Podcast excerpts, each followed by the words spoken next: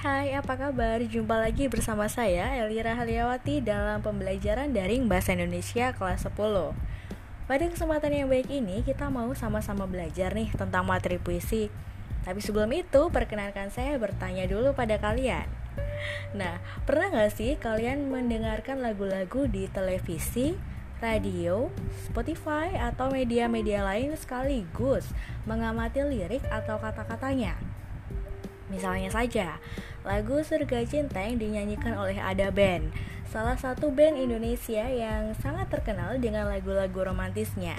Kira-kira liriknya seperti ini.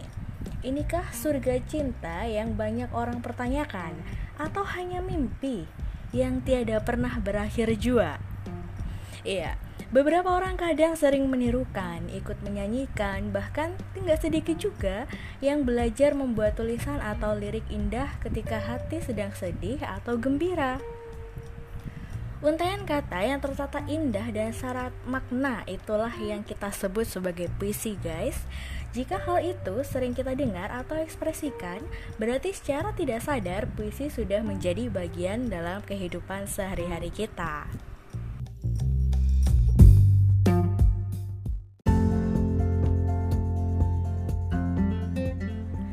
Oke, lalu sebetulnya apa sih puisi itu? Tujuan puisi ini apa dan apa pula manfaatnya? Teman-teman, berdasarkan Kamus Besar Bahasa Indonesia, puisi adalah karya sastra yang dibuat dengan cara dipadatkan, dipersingkat, dan menggunakan irama yang padu serta pemilihan kata yang khas. Pada umumnya, hakikat puisi adalah curahan hati penyair yang dituangkan dalam bentuk tulisan. Oleh karena itu, tujuan dan manfaat puisi pun masih berkorelasi atau berhubungan dengan hal-hal ini.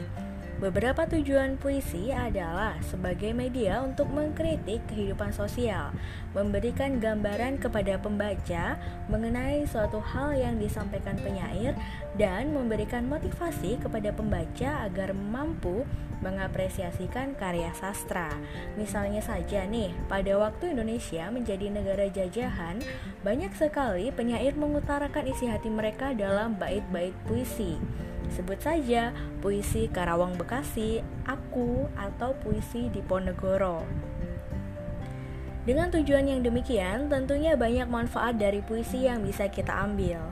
Puisi bisa dijadikan arahan dalam membentuk kepribadian, bisa juga sebagai media melatih diri untuk lebih berimajinasi. Puisi juga mampu menggambarkan kehidupan dan lingkungannya sehingga sebagai pembaca kita bisa belajar lebih peka.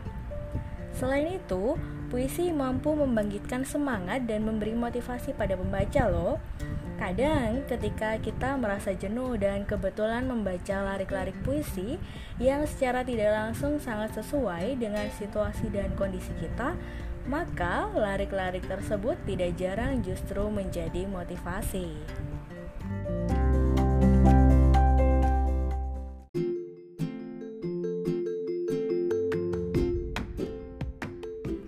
Sebelum belajar lebih lanjut tentang puisi, masih ingatkah kalian tentang pantun?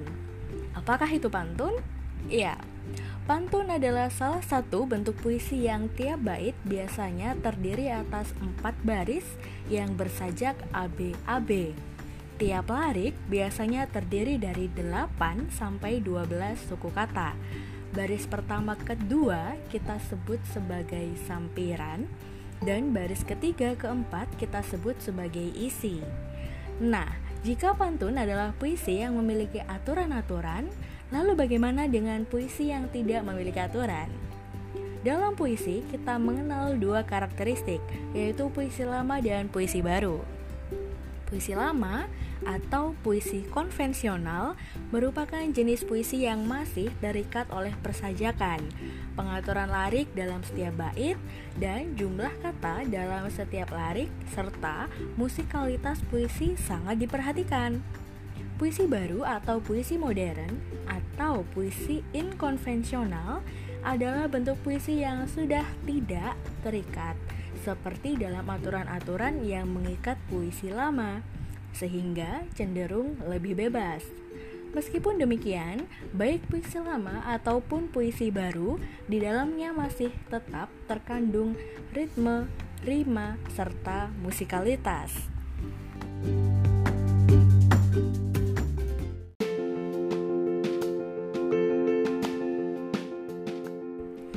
Beberapa perbedaan antara puisi lama dan puisi baru yang harus kita ketahui adalah sebagai berikut.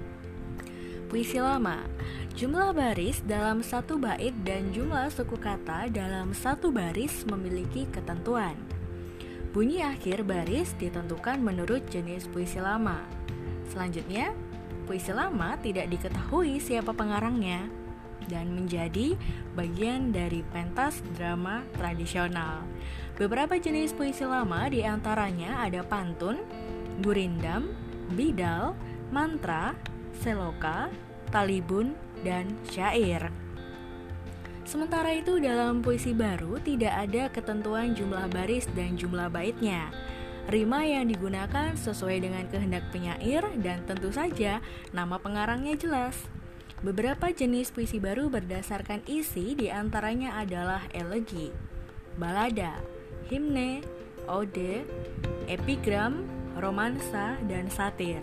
Sementara jenis puisi berdasarkan bentuknya ada distikon, tersina, quatrain, queen, sektet, septim, oktav, dan sonata. Bagaimana? Sudah merasa pusing? Jangan khawatir, hal-hal yang kita bahas baru saja itu hanya sekadar pengetahuan dan akan kita bahas di lain kesempatan. Atau jika kalian penasaran, kalian bisa mencari dan membaca tentang materi itu di buku puisi atau sumber-sumber dari media internet.